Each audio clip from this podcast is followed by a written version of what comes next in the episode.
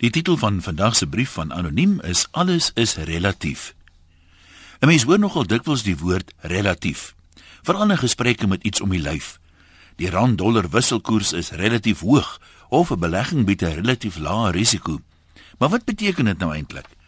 Einstein het mos gesê as 'n mens nie iets maklik genoeg kan verduidelik dat 'n skoolkind dit ook kan begryp nie, dan verstaan jy dit waarskynlik self nie.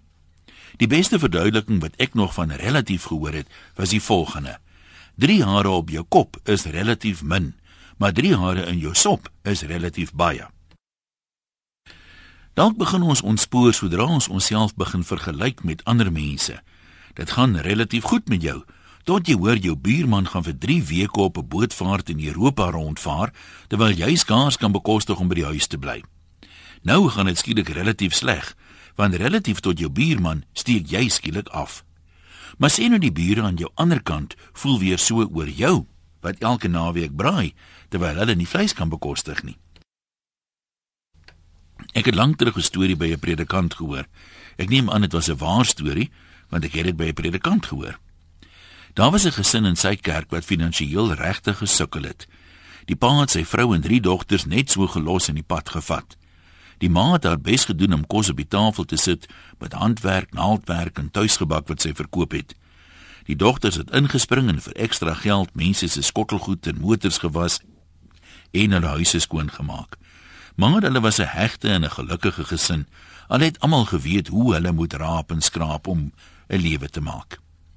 Sonder om name te noem, vra Dominee Sondag van 'n weekansel dat elke gesin hierdie maand ietsie ekstra by sy tiende moet voeg om 'n behoeftige gesin in hulle midde te help. Daar's werklik nood en enige hulp sal waardeer word. Die ma en die dogters het dadelik aan die werk gespring. Die dogters het nog ekstra werkies gedoen en ma het 'n pragtige lappies kombers gemaak en verkoop. Toe die diaken kom kollekteer, het hulle 'n ekstra R100 nood gehad om by hulle kollekte te voeg. Sondag sit hulle in die kerk en borrel van blydskap dat hulle te midde van hulle eenvoudige bestaan ook 'n verskil kon maak in 'n behoeftige gesin se lewe. Aan die einde van die diens vra Dominee hulle om agter te bly.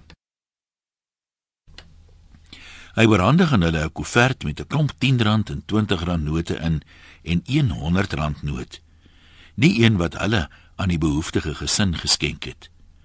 Met skok besef hulle, hulle was die behoeftige gesin en terselfdertyd ook die gesin wat die meeste geskenk het vir die behoeftige gesin.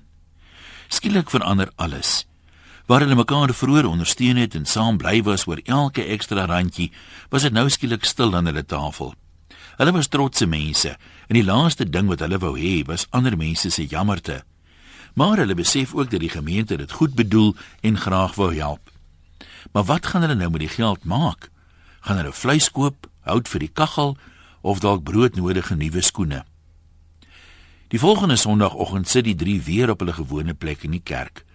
Toe die diaken die kollekte opneem, sien hy met verbasing hoe die ma dieselfde koevert waarin die kerk na die vorige Sondag die spesiale kollekte gesit het, weer in die bordjie sit. Sy en haar drie dogters kyk op na hom en glimlag. Dis die glimlag van mense wat arm was, maar oornag ryk geword het. Dalk is alles tog relatief. Groete van oor tot oor. Anoniem.